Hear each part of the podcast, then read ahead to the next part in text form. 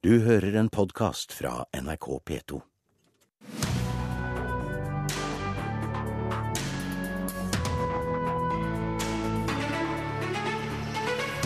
FM-nettet slukkes altså om to år. Vi har hatt en raskere utvikling enn nabolandene, sier kulturministeren til Kulturnytt. Støttegruppen etter 22.07 ønsker at byggingen av minnestedet på Sørbråten fortsetter som planlagt. Naboene vil stanse det. En ny rapport viser at det vil påføre dem livslange plager. Berlinfilharmonikerne skal spille i Kirken på Røros neste år. Og vår anmelder snakker om en spesielt vellykket skrekkfilm som kommer på kino i morgen. Kulturnytt her i Nyhetsmorgen i NRK. Radioen er ferdig digitalisert, og fra 2017 vil det ikke lenger gå an å lytte til FM-radio i Norge. I dag tidlig ble det klart at regjeringen går inn for å slukke FM-nettet om to år. En lenge varslet slukking, sa kulturminister Toril Vidvei da jeg snakket med henne for litt siden. Ja, For det første så har jo Stortinget vedtatt at DAB skal ta over. Spørsmålet har jo vært om det skal skje i 2017, om FM-nettet skal slukkes i 2017 eller 2019. Det har Stortinget satt noen veldig klare forutsetninger for gjennom kriterier. Og det er sånn at Utfordringer fra både Medietilsynet og også Nasjonal kommunikasjonsmyndigheten det viser de kravene Stortinget satte for digitalisering i 2017, de er innfridd. Derfor foreslår regjeringen at FM-nettet da skal slukkes. Og Så vil det komme til å skje regionvis gjennom 2017. Og lytterne vil da få informasjon i god tid. Og det er også sånn at Publikum kan bruke radioene de har sammen med en DAB-adapter.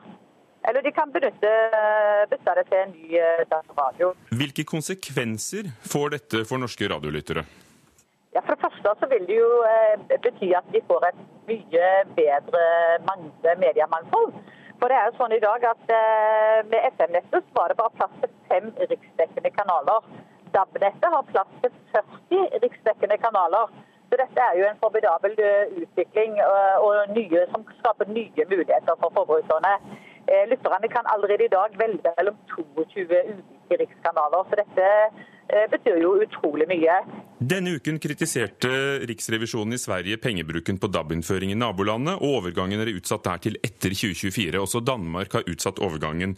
Hvorfor mener du at Norge er i en helt annen situasjon og kan slukke allerede om to år? Ja, for det første så er det jo sånn at Både Sverige og Danmark de har jo vært positive til digitaliseringen av radiomediet. Men begge har lagt andre strategier for digitaliseringen av radiomediet. Men det er jo ingenting å legge skjul på at hastigheten mellom de nordiske landene har vært forskjellig. Norge ligger først i løypa, og vi var jo blant de aller aller første sammen med Storbritannia, som går tilbake på midten av 90-tallet, som faktisk startet denne digitaliseringen. Og så er det også sånn at En dobbeltdistribusjon av både FM og DAB det er pga. at vi har et annet landskap. altså Pga. topografiske forhold så er det svært dyrt i Norge. Og Vi var veldig tidlig ute, som jeg sa. Vi er altså sammen med UK først i verden i 1995 med å starte digitaliseringen. Og vi har også en veldig sterk kommersiell radiosektor, særlig MTG. og Det har de verken i Sverige eller i Danmark. Og MTG har jo i mange år samarbeidet med NRK om nettopp denne digitaliseringen. For nettopp NRK og de private radioene vil jo spare store summer i dobbeltdistribusjon. Men brukerne får jo da regningen for å kjøpe disse nye dingsene for å, for å høre på de gamle radioene eller helt nye mottakere. Hvorfor velte kostnadene over på lytterne, som vi hørte nå denne uken det er veldig mange av? Ikke siden 94 har folk hørt så mye på radio. Ja, for det første så er det sånn at Veldig mange har allerede kjøpt disse adapterne. og Det er et bredt utvalg av priser på disse adapterne. Som man ser på i dag, så er det en, en DAB-radio som koster rundt 400 kroner, og enkelte adaptere koster rundt 500 kroner og oppover. alt etter hvilken sikkert merker og kvaliteter man ønsker å skaffe seg. Men, men det blir det jo millioner av som forbrukerne skal betale?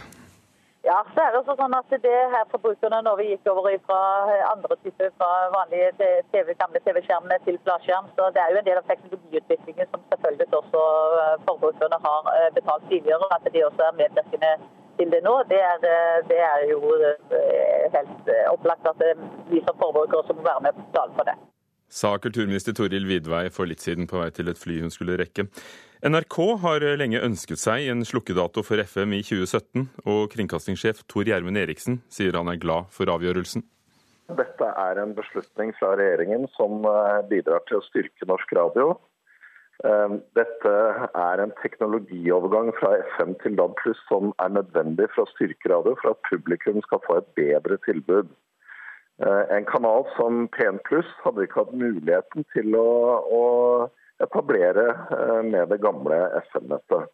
Så nå kan publikum fortsatt glede seg til et godt radiotilbud. En av årsakene til at de nå erstatter FM med DAB, er at det er avgrensa plass til nye radiokanaler på FM-nettet. Men ikke alle mener at tidspunktet for slukking er rett. Det er for tidlig å slukke FM-nettet i 2017, fordi bl.a. bilparken er ikke eh, forberedt på en slik eh, slukking. Og radio som sådan, som medium, vil tape oppslutning når du setter ut av spill den distribusjonsplattformen som folk hører på. Det sier Svein Larsen, redaktør for Radio Metro og motstander av sløkkinga. Larsen frykter lytterne vil bli skadelidende. Det er 10-15 millioner eh, FM-apparater rundt omkring i norske hjem som er aktivt i bruk. Eh, og på hytter, i båter og ikke minst i forhold til bilene. Slik at radio vil miste markedsandeler pga. den beslutningen. Og det tror jeg ikke at de store aktørene i tilstrekkelig grad har tatt inn over seg. Sa Svein Larsen til reporter Lars Ivar Nordahl.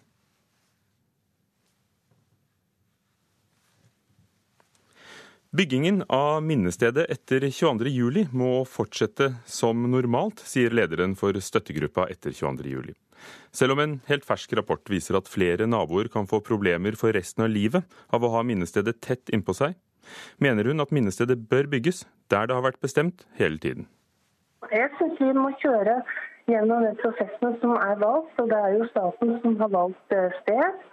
Og vi, vært, og vi støtter som støttegruppe også utformingen av minnestedet. Sier leder i støttegruppa etter 22.07, Lisbeth Røyneland. Eh, å dra alle sammen gjennom en vond diskusjon som kommer til å pågå i flere år, det er ikke gagna noen, tror jeg. Rapporten som kom i går, handler om hvilke psykososiale konsekvenser det planlagte minnestedet på Sørbråten i Hole kommune har fått. Rapporten ble bestilt av Kommunaldepartementet før jul.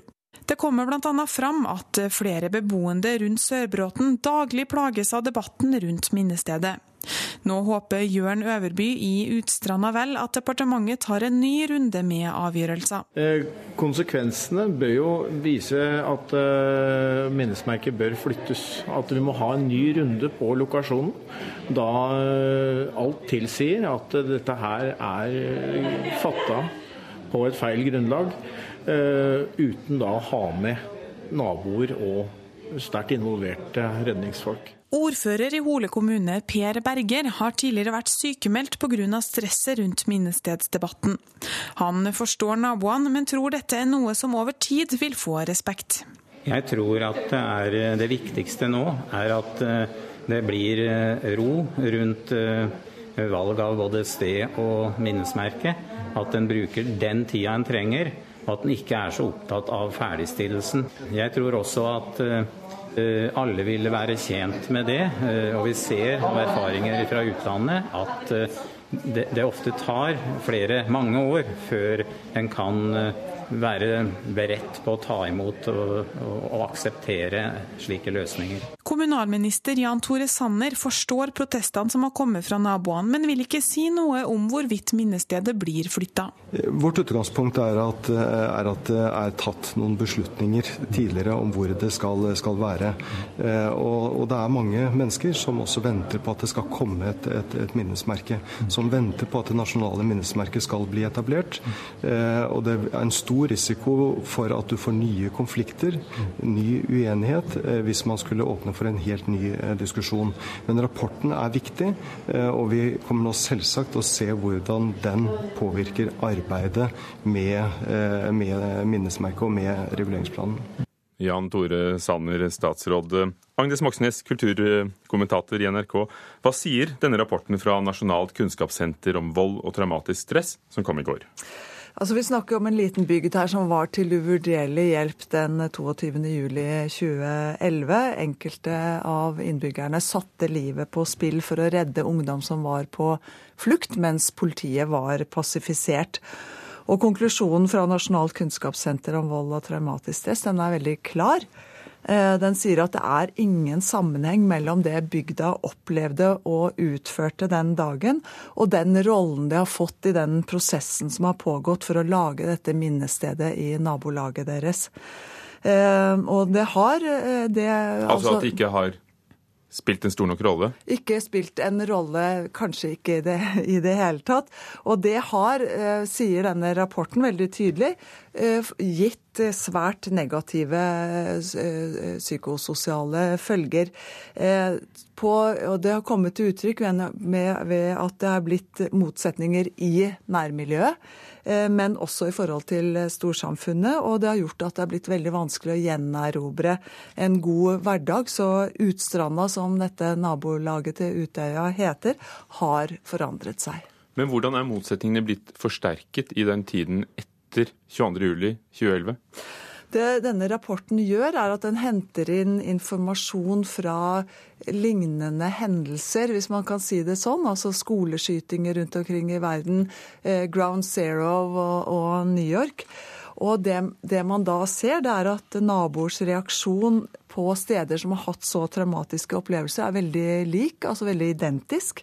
Eh, mens etterlatte og pårørende har et eh, sterkt behov for å minnes og ha et sted å gå til, så vil naboer og de som eh, normalt har brukt området, ha tilbake hverdagen og normaliteten så raskt som mulig. Og, og, det har ført til på veldig mange steder en, en konflikt som både har vært eh, emosjonell og, og, ubehagelig. Regjeringen får forskjellige råd. Flytte minnestedet, utsette det, fortsette som planlagt. Eh, Hvilket råd skal de følge? Blir det avduking 22.07.2016? Altså, nå har de bedt om innsikt og fått det. Og den rapporten som har kommet nå, er en veldig viktig, viktig rapport. Fordi at den gir eh, kunnskapsrik eh, kunnskap til å handle klokt i så ekstraordinære situasjoner som dette her. Eh, når det er sagt, så er det behov for et eh, minnested. Det som er foreslått av Jonas Dahlberg, det har høy kvalitet. Jeg er nesten sikker på at naboene på sikt kommer til å bli stolte over at de har det i nabolaget sitt. Men det er nok grunn til å høre på det ordføreren i Hole kommune sier her. Det trengs nok antageligvis mer tid og flere samtaler mellom naboene og kunstneren Jonas Dahlberg. Takk, Agnes Moxnes. Klokken er snart 16 minutter over åtte. Du hører på Nyhetsmorgen i NRK. Hovedsaken i dag. Hasjbrukere har økt risiko for å få psykose, viser ny forskning. Kontoene for boligsparing for ungdom har ikke plass til alle pengene ungdom har lyst til å spare for å få seg sted å bo. Minst 43 mennesker er henrettet i Iran de siste tre dagene. En mindreårig med alvorlig psykisk sykdom er en av dem. Og en norsk lampe som gir strømløse lys, fikk to priser under utdelingen av merket for god design, eh, og vinneren kommer senere i Kulturnytt. Berlinfilharmonikerne, det verdenskjente symfoniorkesteret, skal spille i Røros kirke i Sør-Trøndelag 1. mai neste år. Og konserten skal sendes direkte på tysk fjernsyn i Norge og i flere andre land. Det tror ledelsen av vinterfestspillene i Bergstaden, som i går var i Berlin og forhandlet med orkesteret, vil kunne skje.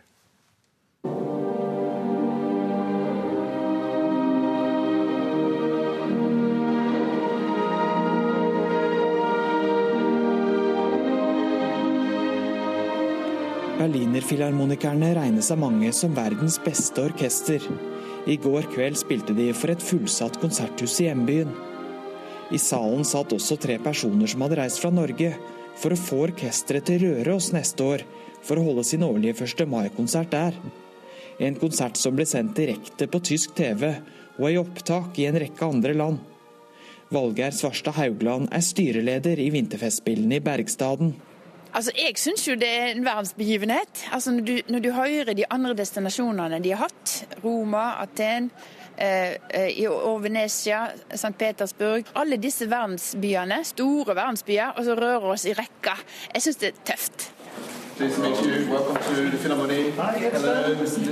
Tidligere på dagen møtte de tre fra vinterfestspillene i Røros ledelsen i orkesteret til forhandlinger i det samme guloransje konserthuset i Berlin, som minner litt om innsiden av en bikube. For et år siden var to utsendinger fra Berlinerfilharmonikerne i Røros for å se på forholdene forteller nestleder i Vinterfestspillstyret Erling Dahl jr. Ja, De var skeptiske i utgangspunktet for at eh, en liten flekk eh, oppe i fjellet i, i, Norge, om det var mulig å, å lage konsert der. Men eh, de ble litt mildere stemt, og de skjønte at de kunne fly direkte til Røros, at de kom til en flyplass som var en flyplass. Helt overbevist ble de når de kom inn i kirken. Det er jo en av Norges vakreste kirker. Den pussa opp for 80 millioner. En av dem var Stanley Dodds, som er ansvarlig for turneene. men som selv også er fiolinist i orkesteret. I think one of the things that's most striking about the town indeed is the church where we intend to play the concert, how it dominates the uh, the, the surrounding houses is a very imposing structure.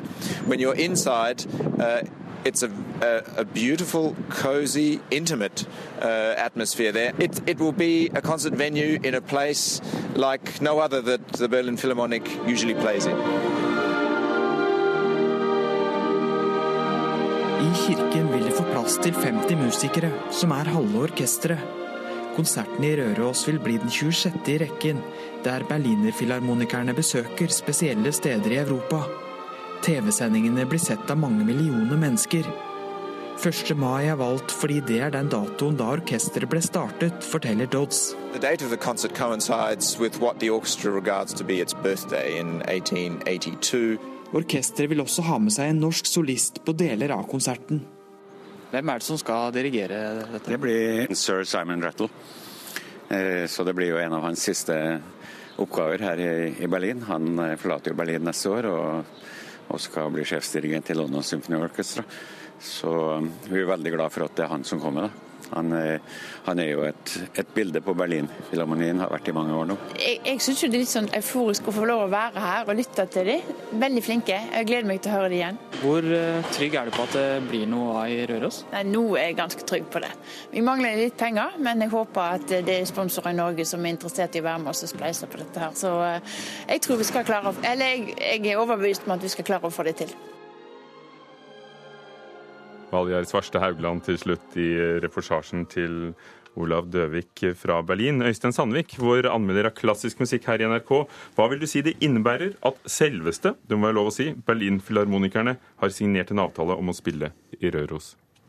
Altså først og fremst så innebærer jo det at Røros kirke og Røros generelt kommer til å få en enorm oppmerksomhet i Europa. Altså Millioner kommer til å se dette direkte på TV i Tyskland, og etter hvert også som en flott TV-produksjon i mange andre land. De kommer til å se pittoreske bilder fra Bergstaden, en by de sannsynligvis aldri har uh, hørt om. Uh, og så kommer det å bli en uh, helt spesiell opplevelse da, for de 1600 som får plass i kirken i Røros. For det er lite sannsynlig at dette orkesteret kommer til å spille der flere ganger på en god stund. Hva venter du deg av konserten? Det kommer til å bli eh, en konsert med Ja, det er jo dette orkesteret som alle musikere drømmer om å spille i. da. Alle dirigenter drømmer om å dirigere, og alle uh, musikkelskere fra hele, alle verdens hjørner valfarter for å høre. Så det kommer til å bli en helt spesiell konsert. Det er Simon Rattle som dirigerer. Det er han med krøllene? Det er han med krøllene. En av de siste tingene han gjør. Han skal jo fratre nå. Eh, forhåpentligvis så kommer de til å spille noe av det de kan best. Kanskje noe Beethoven, kanskje noe Wagner. Forhåpentligvis kanskje også noe litt eh, utenfor f.eks. noe fransk. Så det kommer til å bli helt spesielt. Hva kjennetegner orkesteret? Hva, hva gjør det så spesielt? Altså, De har jo på en måte bygd seg opp som en helt spesiell institusjon, og de fikk jo denne statusen særlig under Herbert von Karajan på 60-, 70-, 80-tallet. Altså, De har denne helt spesielle kombinasjonen av en veldig varme i klangen, samtidig klarhet, tydelighet. Det er solistnivå på alle instrumentgrupper. Så det er, eh, de har en helt spesiell eh, status og eh, et helt spesielt nivå. Berlinfilharmonikerne altså, som kommer til Røros kirke 1. mai neste år. Takk. Øystein Sandvik anmelder her i NRK. It Follows har kinopremiere i morgen, og er ifølge vår anmelder Birger Vestmo en spesielt vellykket skrekkfilm. Den er nemlig både stilsikker, angstfylt, pirrende og selvfølgelig det viktigste skremmende.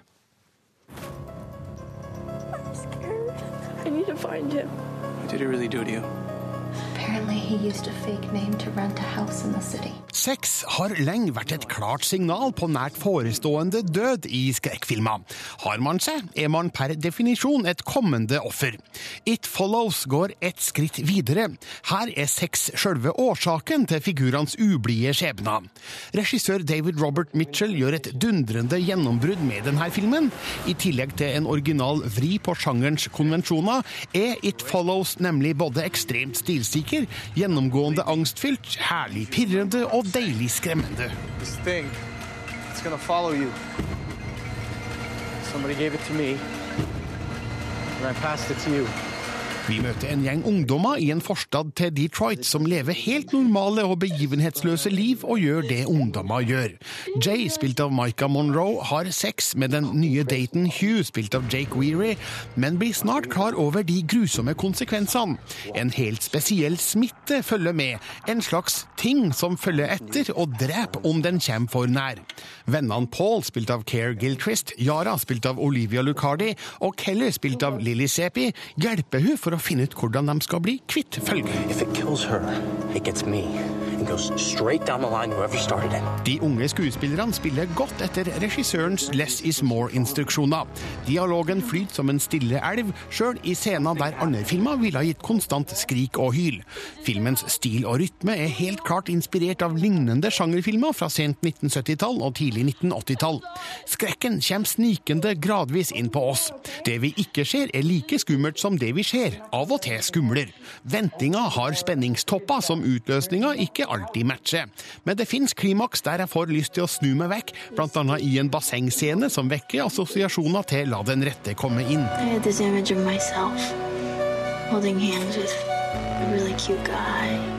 Filmen 'Bade i Detroits suburbia, som regissør David Robert Mitchell kjenner godt. Hans forrige film, The Myth of the American Sleepover, var lagt til samme miljø. Ungdommene beveger seg rundt i et typisk stille forstadsmiljø med små hus i lange gata, nydelig fotografert av Mike Giolakis. Lydsporet er elektronisk, med gjenklang av John Carpenter og Alan Howards musikk til Halloween, og Wendy Carlos sine komposisjoner til The Shining Ondskapens hotell. It could look like someone you know, or it could be a stranger in a crowd. You. It Follows kan ses på som et bilde på samtidens angst for det seksualiserte samfunnets mørke side. Sex kan faktisk i verste fall drepe deg om du ligger med en person som er smitta. Det her utnyttes godt i en skrekksetting, sjøl om det finnes noen sekvenser og sammenhenger der logikken ikke henger helt sammen. Men det oppveies med en stilsikkerhet og et ekkelt spenningsnivå som gjør It Follows til en spesielt vellykka skrekkthriller. It Follows, eh, en av ukens kinopremierer som Birger Vestmo anmeldte her i Kulturnytt. Den kombinerte solcellelampen og mobilladeren Sunbell fikk Miljøprisen og Design for alle-prisen og Merke for god design da eh, designprisene ble delt ut på Design- og arkitektursenteret i Oslo i går kveld. Og Det er første gang eh, noen vinner ikke bare merke, men også to priser samtidig. Lampene er solgt i flere utviklingsland, der den eh, stadig erstatter farlige parafinlamper. Og før jul kjøpte FNs høykommissær for flyktninger inn 200 000 lamper. Og Marius Andresen, gründer, industridesigner. Dette var din idé. Gratulerer. Tusen takk. Det var, det var stort i går. Hvordan virker lampen? Den må lades opp fra sola. Og energien blir lagret på et batteri. Så det er teknologi vi kjenner. Og så kan man da Så er det LED-lys. Energigjerrig lyskilde. Man kobler til en ledning, lader opp batteriet og bruker lyset med dimmefunksjoner. Og så kan du også lade mobilen din. Hva var din grunntanke? Ja, vi, vi var jo et team som har jobbet rundt dette her. Men det vi, det vi hadde satte som premiss på en måte når vi starta, var at alle mennesker har de samme lysbehovene. Så om du er fattig eller rik, så har du et behov for å ha lys opp et rom for å kanskje lese i en bok med litt mindre lys. Eller ta med deg det lyset rundt og, og, og bruke det ute eller inne som et portabelt lys. Og det ser ut til å stemme veldig godt. Det høres såpass enkelt og genialt ut at Eh, det er nesten pussig at ingen gjorde det før deg?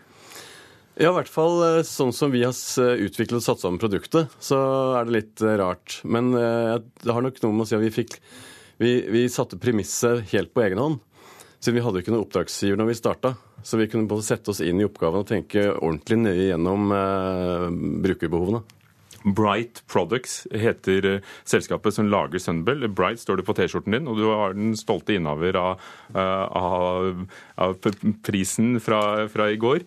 Eh, I Norge koster lampen 600 kroner. Koster den det i et u-land òg? Den er nok noe billigere. Det har litt med valutakurser og sånn å gjøre, men men uh, den er nok nærmere uh, mellom 40 og 50 dollar.